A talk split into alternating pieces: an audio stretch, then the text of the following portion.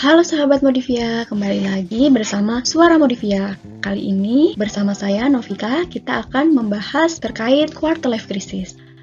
Uh, sahabat Modivia penasaran kan apa itu quarter life crisis? Nah, nanti kita akan membahas terkait apa itu quarter life crisis, kenapa terjadi quarter life crisis, dan bagaimana cara mengatasi quarter life crisis.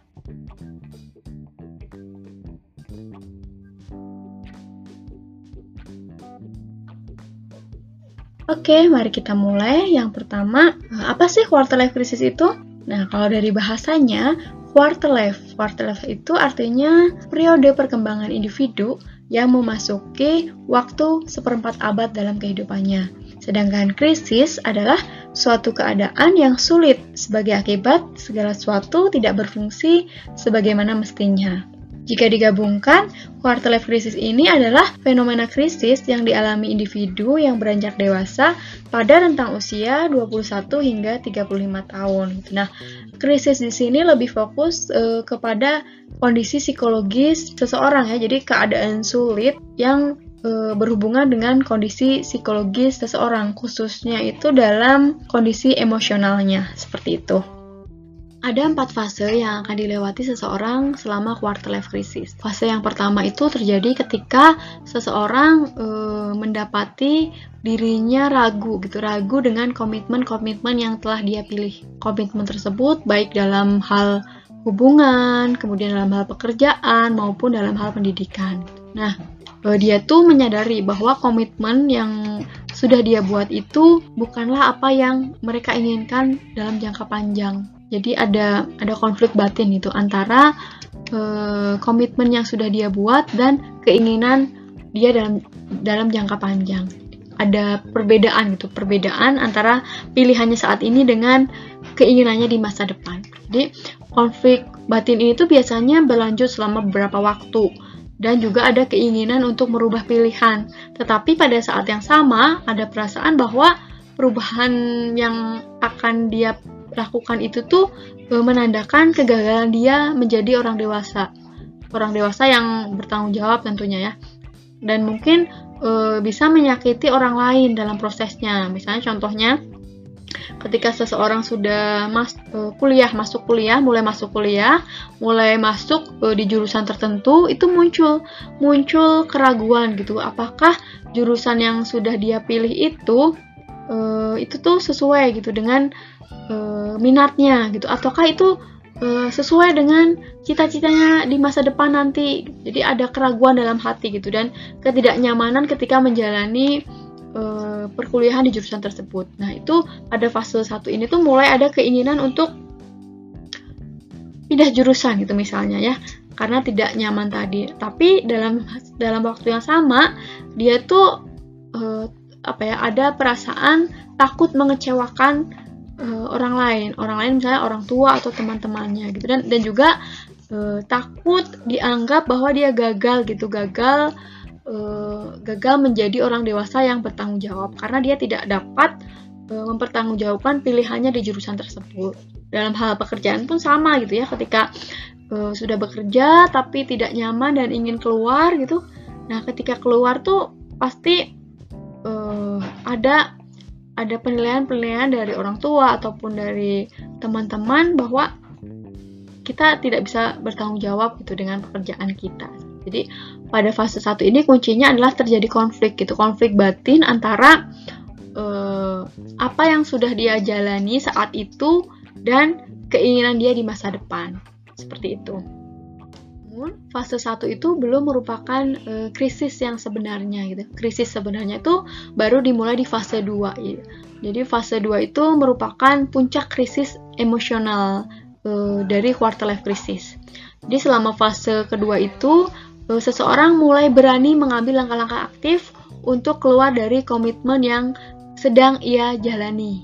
Jadi kalau tadi di fase 1 kan ada konflik batin gitu antara uh, yang sedang ia jalani dengan yang dia inginkan di masa depan. Nah, di fase kedua ini seseorang udah mulai berani gitu, berani untuk uh, keluar dari komitmen yang sedang dijalani itu. Misalnya kalau yang tadi kuliah yang ragu dengan jurusannya, dia udah berani keluar dari jurusan tersebut dan pindah ke jurusan lain atau memutuskan untuk bekerja misalnya. kalaupun ya kalau yang bekerja itu uh, ketika dia tidak nyaman, dia udah berani untuk keluar dari pekerjaannya dan mencoba pekerjaan yang lain. Jadi ada ada apa ya, ada langkah gitu, langkah untuk menyelesaikan konflik batin yang sedang dia rasakan gitu di fase 2 ini. Nah, di fase kedua ini biasanya diikuti oleh kesedihan gitu karena uh, rasa kehilangan dan kecemasan tentang ketidakpastian ketidakpastian di masa depan gitu. Karena dia mulai berani memilih pilihan baru gitu dan dan itu artinya ketika memilih pilihan baru berarti uh, ada ketidakpastian di masa depan gitu. Makanya muncul rasa kehilangan dan kecemasan.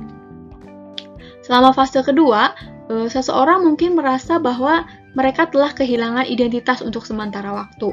Uh, mungkin juga mempertanyakan nilai dan keyakinan mereka tentang kehidupan dan masyarakat.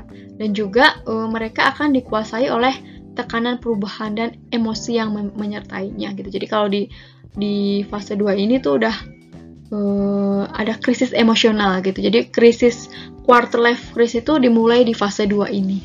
Jadi kuncinya di fase kedua ini adalah seseorang mulai berani mengambil langkah untuk menyelesaikan konflik batinnya.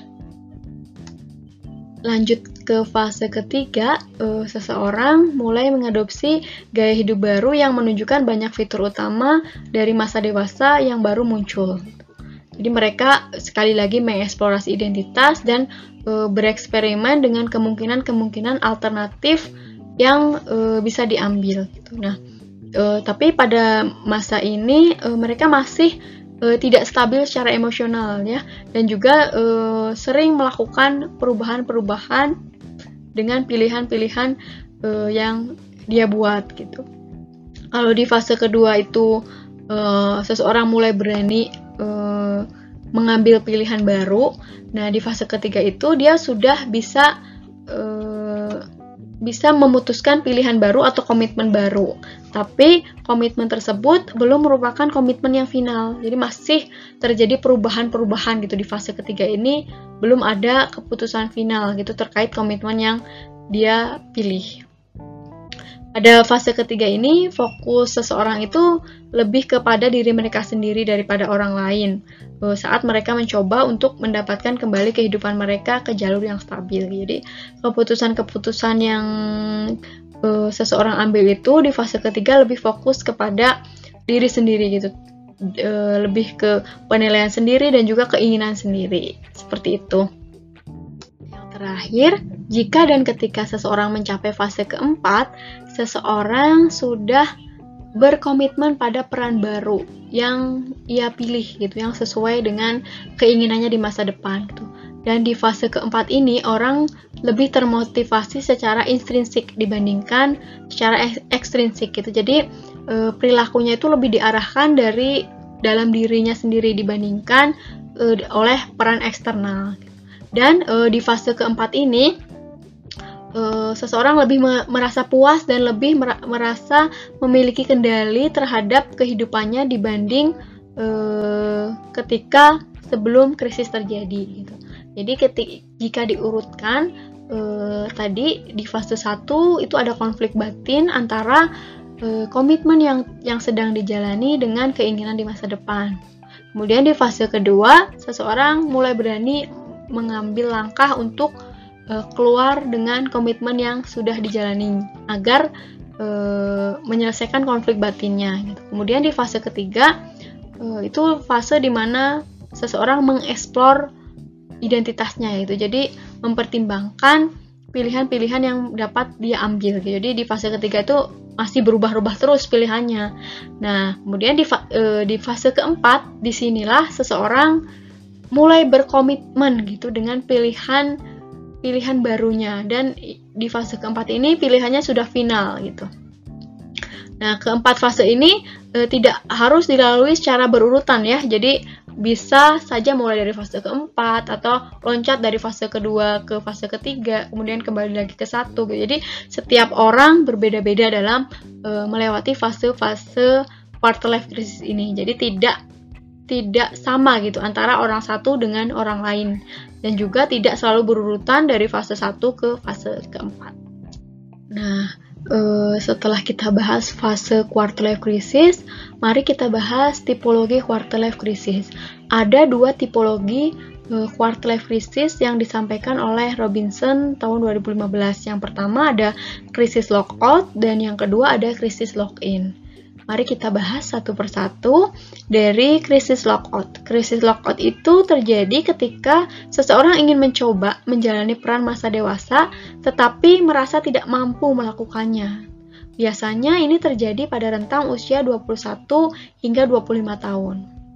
Jadi, saat mulai memasuki masa dewasa, biasanya seseorang merasa bingung gitu dengan peran baru yang harus dia jalani dan ada ras ada perasaan bahwa mereka bukan remaja tapi belum siap menjadi orang dewasa gitu. Dari bahasanya sendiri ya lockout jadi terkunci dari luar gitu dan kita ada di dalam gitu dan kita uh, sulit lah uh, sulit keluar gitu. Nah yang terjadi pada masa dewasa dewasa awal tuh seperti ini gitu. Jadi kita ingin menjalani peran sebagai orang dewasa tapi kita bingung dan sulit gitu untuk uh, mencoba menjalani peran dewasa tersebut. Jadi yang dimaksud krisis lockout itu seperti itu. Jadi keadaan uh, seseorang yang ingin menjalani peran dewasa tapi uh, mereka merasa tidak mampu dan juga merasa kesulitan gitu untuk untuk menjalani peran tersebut. Kemudian, krisis lock-in terjadi ketika seseorang telah mampu menjalani peran masa dewasa secara stabil, tetapi uh, ada keinginan untuk meninggalkan peran mereka karena ragu dengan komitmen yang telah dibuat. Uh, lock in, in lock in krisis ini biasanya terjadi pada usia 25 hingga 35 tahun. Jadi kalau lockout tadi uh, seseorang ada keinginan untuk menjalani peran dewasa tetapi merasa sulit, di lock in ini uh, dia sudah bisa gitu menjalani peran dewasa atau membuat komitmen-komitmen. Nah, tapi ada keraguan di dalam hati apakah komitmen yang dia pilih itu uh, yang terbaik untuknya gitu. Jadi ada keinginan untuk mengeksplor kembali uh, komitmen komitmen gitu. Jadi ini masih sangat terkait dengan fase-fase quarter life crisis yang sudah kita bahas sebelumnya ya. Oke, kalau sebelumnya sudah dibahas apa itu quarter life crisis, kemudian fase-fase fase-fasenya dan juga tipologinya. Selanjutnya kita bahas kenapa sih terjadi quarter life crisis. Nah, sebelum kita menjawab uh, kenapa quarter life crisis itu terjadi, uh, mari kita lihat itu apa saja karakteristik yang terjadi di masa dewasa awal.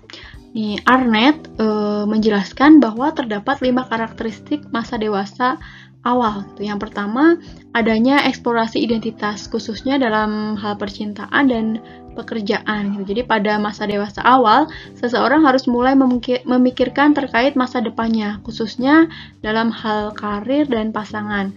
Dua hal yang penting dalam kehidupan seseorang dan menentukan masa depan mereka. Gitu. Jadi di masa dewasa awal ini tuh adalah masa eksplorasi uh, seseorang untuk menentukan masa depannya karakteristik yang kedua uh, terjadi ketidakstabilan di masa ini. Gitu. Uh, dalam hal percintaan, seseorang harus mulai memutuskan kapan dia menikah dan dengan dengan siapa dia menikah. Kemudian dalam hal pekerjaan, seseorang harus mulai memilih atau mencoba pekerjaan yang dia inginkan gitu.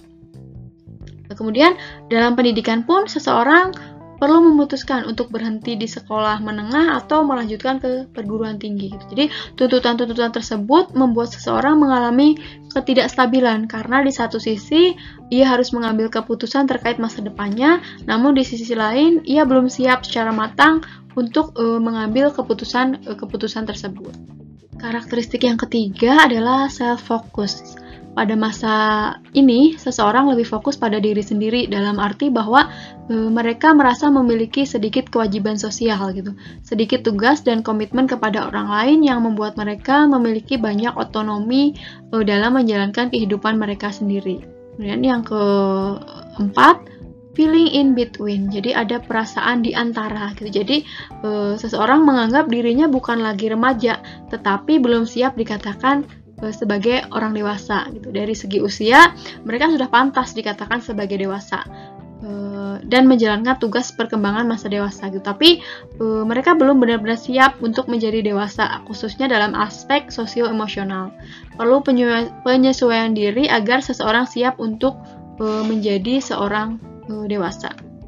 Karakteristik yang terakhir adalah usia dengan banyak peluang.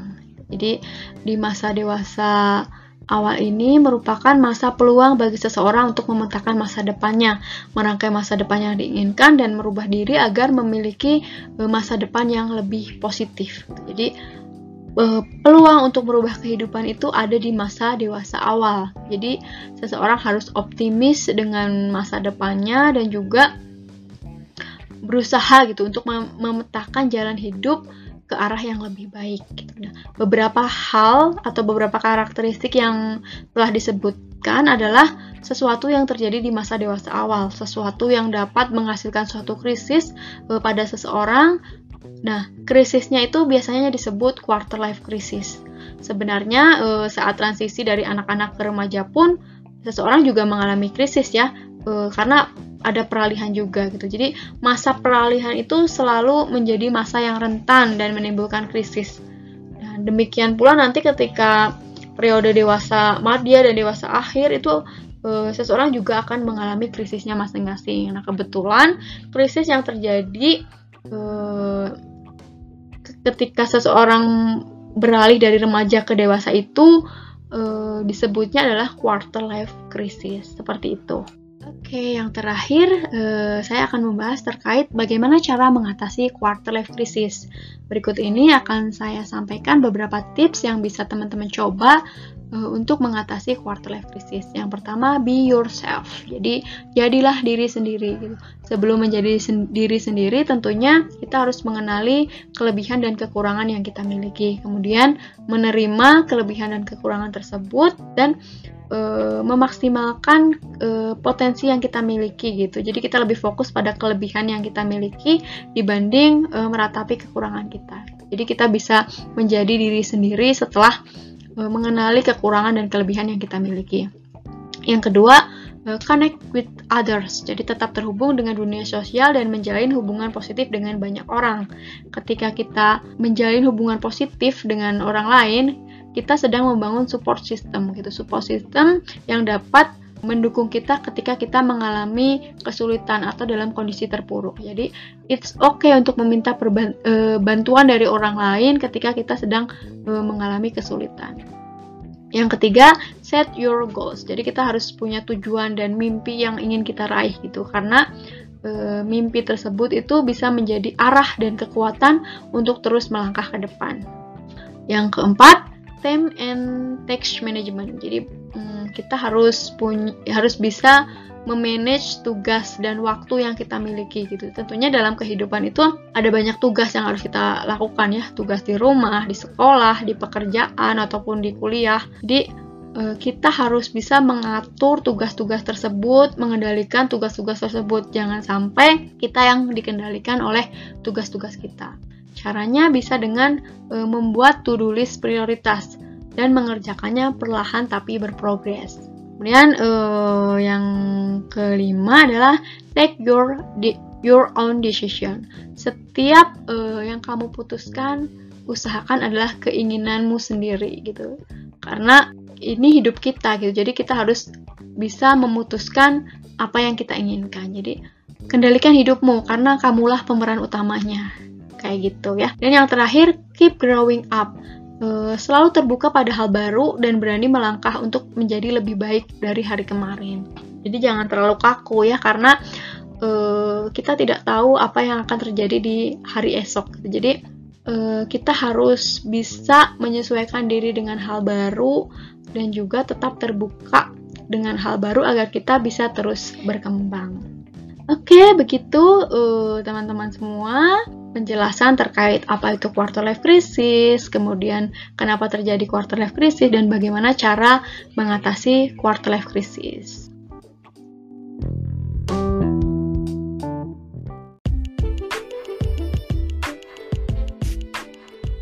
Semoga apa yang saya sampaikan bermanfaat dan juga terima kasih untuk teman-teman semua yang sudah mampir di podcast Suara Modivia ini. Assalamualaikum warahmatullahi wabarakatuh. Sampai ketemu di podcast-podcast selanjutnya. Terima kasih.